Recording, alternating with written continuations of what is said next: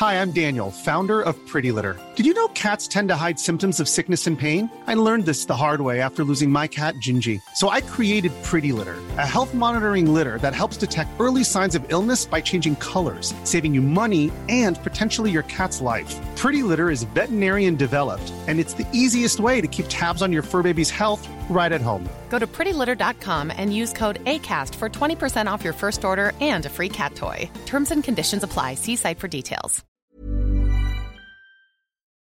Hei,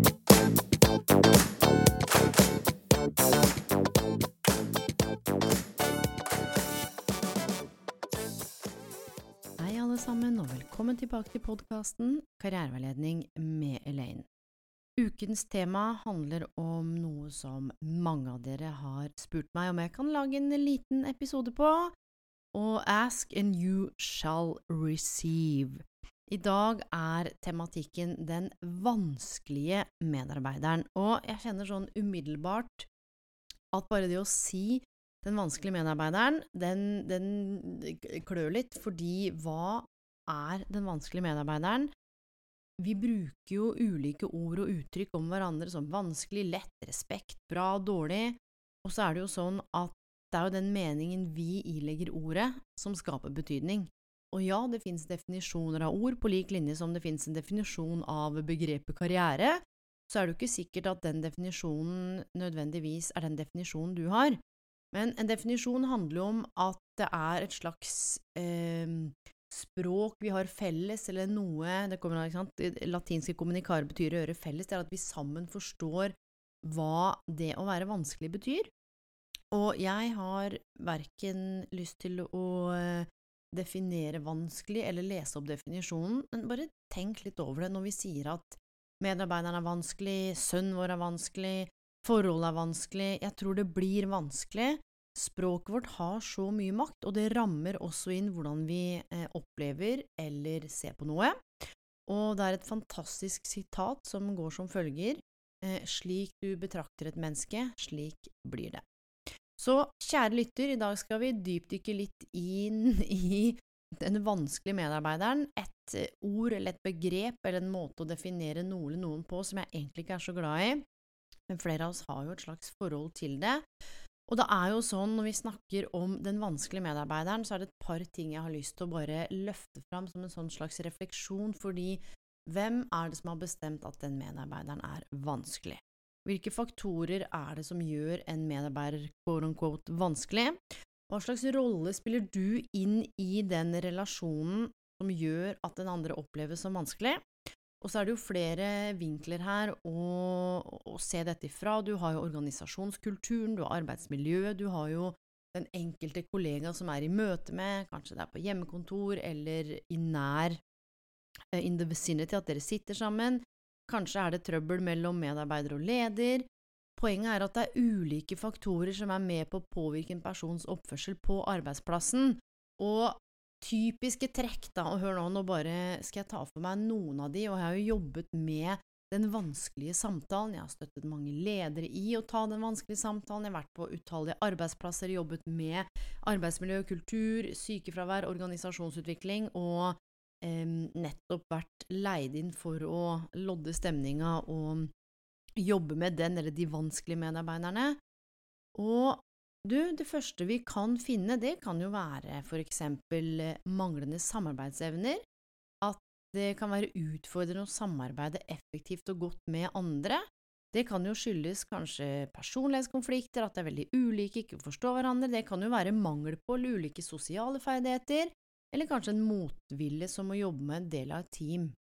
Og alle de tingene her, for meg, er jo symptomer på et eller annet som ligger bak. Og noe av det jeg har sett aller mest Nå henter ikke jeg dette fra noe litteratur, nå går jeg bare inn i meg sjøl og bare dypdykker akkurat nå. De gangene hvor medarbeiderne har vært mest utfordrende å jobbe med, så koker det ned til én ting, og det er usikkerhet. Usikkerhet omkring egen verdighet, usikkerhet om en gjør jobben godt nok, usikkerhet om en er likt, usikkerhet om dette er rett sted å være, usikkerhet i seg sjøl, usikker på andre, det ligger en sånn slags usikkerhet i bånn. Det er jo dette jeg har kommet fram til i alle disse samtalene, og Det betyr ikke at dette her er uh, the holy way, altså. Det fins mange, og det er jo masse litteratur som vil hevde andre ting, og selvfølgelig. Jeg bare sier hva jeg har uh, oppdaget, at det er en sånn slags, et sånn slags fundament som kan skape støy, og som kan skape for eksempel du, trøbbel i kommunikasjonen, og det kan også bidra til at det er vanskelig å sette ord på hva en trenger, hva som egentlig foregår, og det kan være manglende relasjonskompetanse, og relasjonskompetanse handler om å forstå hvordan du virker inn på andre, og hvordan eh, jeg virker inn på deg. Og poenget er at det er ikke alle som ser omfanget av personligheten sin, eller rekkevidden av hvem de blir da, i møte med jobben, eller hvem de lar kollegaene bli i møte med seg. De tenker ikke noe mer over det, og så er det noen sant, som er veldig mindful og opptatt av eh, hvordan de påvirker andre. Og det er jo også sånn at noen medarbeidere, eller den vanskelige medarbeideren, da, i hermetegn, kan både unngå konflikter for enhver pris, eh, og det kan jo føre til masse undertrykte følelser og misnøye, og det blir vanskelig for arbeidsmiljøet, masse uløste konflikter, sånn som kan påvirke produktiviteten og trivselen. Du vet litt sånn passiv-aggressiv, du vet aldri helt hva du får når du møter kommende, men det kan også være i en hermetegn den vanskelige medarbeideren som alltid skal opponere, hvor du alltid havner i konflikt, som alltid må hevde seg. Og det kan jo være flere ting, ikke sant, og det er noen ting som kan være synlige for øyet, men det kan også være personlige problemer, det kan være personlige utfordringer som påvirker jobbprestasjonen, helseproblemer, familieproblemer, økonomiske bekymringer, ting som vi ikke veit, ting som vi ikke har innsikt i. Og du, hvorfor har jeg lyst til å snakke om dette her i dag? Jo, fordi dere har sendt inn fryktelig masse spørsmål, og det setter jeg så pris på, og det er derfor jeg har lyst til å løfte det fram, fordi det er ikke sånn at vi veit hva som foregår i hverandres hoder og hjerter, og vi er veldig kjappe til å dømme hverandre, og særlig hvis det er flere som syns at medarbeideren er, samtidig, er, er vanskelig samtidig. Du, det skaper både felles identitet, det skaper bonding, sånn at vi skiller ut oksytocin når vi snakker om vedkommende, fordi vi ikke sant, eh, skaper et eller annet felles bånd. Kanskje vi skiller ut litt adrenalin, huh, litt grann dopamin, du blir belønna for å snakke dritt om kollegaen din, ikke sant, fordi den andre, opp, nå er vi på nett, og i tillegg kan det skille ut serotonin. Så én ting er hvordan vi i kollegiale snakker om den vanskelige medarbeideren, det er jo hvordan du forholder deg til den vanskelige medarbeideren for deg sjøl, så det er så mange innganger her, og det er et sånt upløyd felt. Selv om det er skrevet mye, så er det også ganske individuelt, da. Kanskje jeg opplever en medarbeider som er vanskelig å utfordre det, mens en annen med en annen type personlighet syns den medarbeideren er helt nydelig å samarbeide med. Og noe av det jeg har lyst til å fremheve, er at det kan jo også være en type mangel på motivasjon, ikke sant? At eh, du eh, Hvorfor er vedkommende så vanskelig å samarbeide med, så sløv, så likegyldig, hvorfor er det så lav produktivitet, hva er det som foregår? Eller det kan for eksempel kanskje være negative holdninger. Den tar med seg en eller annen energi inn på arbeidsplassen som påvirker de andre medarbeiderne, svekker teamets samla liksom, evne til å prestere, evne til å stå sammen, det er liksom én som trekker en annen retning. Og så er det jo ikke sånn at man nødvendigvis er vanskelig på grunn av personlige egenskaper. Igjen, det ligger ting bak, og jeg har en sånn grunnleggende tro på at det går eh, At det bor åh, det bor så mye godt i oss alle. Og vi er jo ikke mennesker som opererer aleine, vi er jo en del av et stort biopsykososialt miljø. Hvordan var oppveksten til vedkommende? Hva måtte vedkommende gjøre for å få kjærlighet når en var liten? Var det å lage støy og konflikter? Var det å være den som var stille? Er en vant til liksom aggressivitet, konflikter? Du, det er jo ikke alltid vi veit det. Hvordan har det egentlig vært på skolen? Har vedkommende blitt mobba?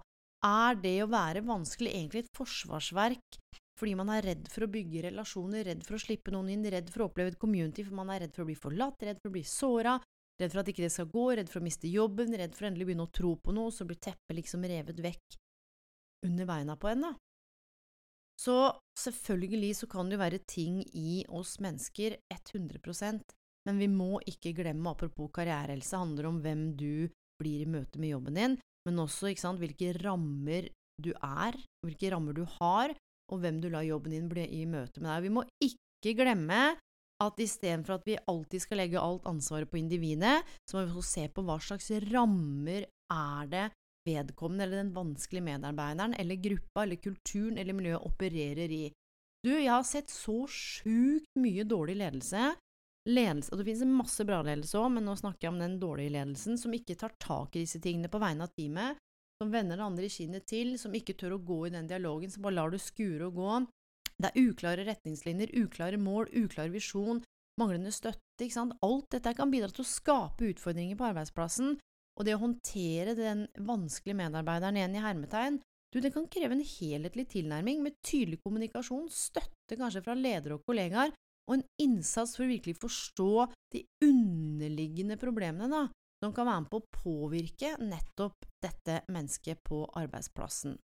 Og i en sånn slags forlengelse av det her, så har jeg lyst til å fremheve noe av det som kanskje handler om, eller som kan gjøre oss litt mer milde da, i møte med den som er vanskelig, eller kanskje du selv har opplevd at du alltid er den vanskelige medarbeideren. Og det å kunne forstå psykologien i menneskelig atferd, fordi hvorfor reagerer vi og handler så ulikt? Hvordan kan to personer sitte i det samme møtet med de samme kollegaene, den ene er motivert og gira på å sette i gang med det nye prosjektet, mens den andre er motløs og usikker? Vel, det her henger 100% sammen med måten vi tenker på, og hva vi tenker påvirker også hva vi føler, og det vi føler påvirker også hvordan vi handler. Og menneskesinnet, eller hjernen vår, det er jo selvrefleksivt. Det betyr at vi har en evne til å kunne betrakte tanker og følelser også utenifra. Vi kan gå i fugleperspektiv, vi kan gå i helikopterperspektiv, vi kan gå inn i et dobbelt disassosiert perspektiv, som er fra frontaltrening, som handler om å se deg selv, se deg selv, sitte i det møtet. Og denne evnen her er jo helt unik, og særlig for oss mennesker, apropos the conscious mind. Og noe av det som er intensjonen min med denne episoden her, er å gjøre kanskje noe av det ubevisste bevisst, sånn at når du går i møte med den vanskelige medarbeideren, så kanskje du er litt mildere, litt mer nysgjerrig på din egen rolle, kanskje kan ha en litt annen innfallsvinkel, det her betyr ikke at vi skal finne oss i, eh, i mobbing, trakassering, bli behandla dårlig. No, no, no. Det er ikke det jeg sier, for å være tydelig. Altså, du, vi går inn og tar ting der vi må ta det, men dette kan du også bruke på deg sjøl, ikke sant? Vi tenker og føler om det vi tenker og føler, og du tenker jo og føler noe om det jeg sier nå, og så kanskje du blir sint fordi du kjenner deg igjen i noe som gjør at du blir irritert på deg sjøl, men så blir du irritert for at du blir irritert på deg sjøl. Og mange av de jeg har jobba med som er den vanskelige medarbeideren, de er egentlig redde for å slippe noen innpå, så med mindre du er en narsissist eller psykopat og ikke har evnen til å tenke på andre, empati og masse andre trekk, og ikke gå inn i det. Men poenget er at eh, hvis du veit at du oppfører deg skittig, og du begynner å tenke om at du oppfører deg skittig, egentlig så kjenner du på skam Husker at vi har snakket om primær- og sekundærfølelser tidligere. Så kjenner du på skam, men det er for sårbart å si du, jeg skammer meg over at jeg skaper mye støy, så du legger sinne eller aggresjon oppå der, eller å ikke røre meg, ikke sant, jeg klarer meg sjøl. Så vi er hele tiden i møte med den andres for da eh, sekundærfølelser som egentlig ikke er de ordentlige følelsene. Så, og når vi har den evnen her òg, så dømmer vi oss selv for å tenke og føle som vi gjør. Vi dømmer jo andre eh, for atferden, og kanskje hvis vi er nervøse, da, eh, som gjør at herregud, så vanskelig henne er, men egentlig er nervøs, så blir hun irritert på at den er nervøs, og så videre. Så skammer vi oss for at vi blir nervøse, og så blir vi sinte isteden, og så ødelegger vi det møtet istedenfor å sitte og oppleve oss selv som trygge. Og det er jo sånn her vi overvelder oss sjøl. Tenk deg hvor mange av de vanskelige medarbeiderne som hadde tenkt å bli sett. Tenk deg hvor mange ledere som hadde tenkt å gå inn og faktisk tørre å ta den praten. Tørre å stå i det og si du, nå er det noe som får La oss virkelig finne ut av det sammen. Poenget mitt er, er at alle vi mennesker er tolkemaskiner, og vi tolker det vi erfarer basert på sant, vårt unike mentale kart av verden. Um, og det her er jo hele poenget, at vi får ulike assosiasjoner til ulike mennesker, ting, steder, lukter, smaker. Kanskje du har gode erfaringer når noen er eh, korte og konsise og litt bryske, mens andre blir kjempelei seg for de føler at de har gjort noe gærent, ikke sant? Noen tolker andres oppførsel i beste mening, mens andre tolker det i verste mening, så begynn å legge merke til hvordan du går rundt og har et, ulike narrativer om verden, hvordan du tolker ting. Og der hvor noen ser muligheten til å koble seg på, så ser andre seg begrensninger. Og Utfordringene vi har kanskje på arbeidsplassen, skapes ikke nødvendigvis av de faktiske hendelsene, men det er hvordan vi som gruppe, hvordan vi som leder, hvordan vi som organisasjon, hvordan vi som mennesker, medarbeidere, i kraft av rollene våre, oppfatter hendelsene, hva vi tenker om dem, hvilke minner og assosiasjoner vi har, hvordan vi føler om dem, som igjen er med på å påvirke hvordan vi handler.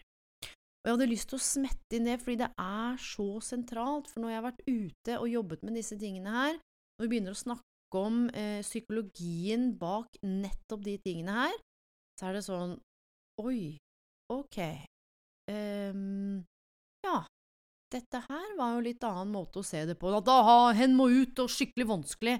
Men du, er det et eller annet i dynamikken? Er det noe med kjemien mellom oss? Hvilke andre enheter oppstår hvis vi er fem stykker i et rom, og alle vi fem har ulike relasjoner til hverandre, så fem ganger 25, da er det plutselig 25 ulike relasjoner, pluss at det er det som dukker opp mellom oss og i gruppa, så er egentlig 30 ulike sånne entities som kommer, ikke sant, sånne kraftfelt som krasjer sammen, i indre dialog, i tanker, følelser, holdninger, assosiasjoner, minner, metaprogrammer, overbevisninger, personlighet, og så skal vi få ting til å funke. Så det kan være ulike årsaker til at en medarbeider er vanskelig. Det er ulike konsekvenser for arbeidsmiljøet, og særlig når det påvirker teamet, effektiviteten, liksom ikke bare den enkelte, men arbeidsmiljøet, kulturen. Og jeg skal si en ting, det er helt utrolig noen ganger og hvordan én medarbeider kan velte et helt lass. Du, 99 av 100 spillere på det laget, på den arbeidsplassen, er på ballen, men det er den ene som virkelig får skuta til å gå ned. De 99 andre har ikke sjans. Så det her er ikke noe vi skal ta lett på, det har ganske mye å si, men det er hvordan vi også forholder oss til det og angriper det. Fordi det kan jo føre til redusert produktivitet, økt stress, økt uro, uro en giftig kultur på arbeidsplassen, og det påvirker jo alle involverte. Og når vi veit at karrierehelse handler om hvordan du har det både på og utenfor jobben, og hvis du har en kollega som irriterer deg, hva skjer når du går hjem da? Kanskje du har snakka om det med de på jobben, men i tillegg så trenger du å få det ut med partneren din, vennene dine, og så blir det det soul focus, og det vi snakker om, det vi fokuserer på, det får vi også bare mer av. Så det er ikke noe tvil om at hvis det er én eller to, eller vi har en, en vanskelig medarbeider, så er det helt nødvendig med en slags intervensjon, men også noe innovasjon i tilnærmingen.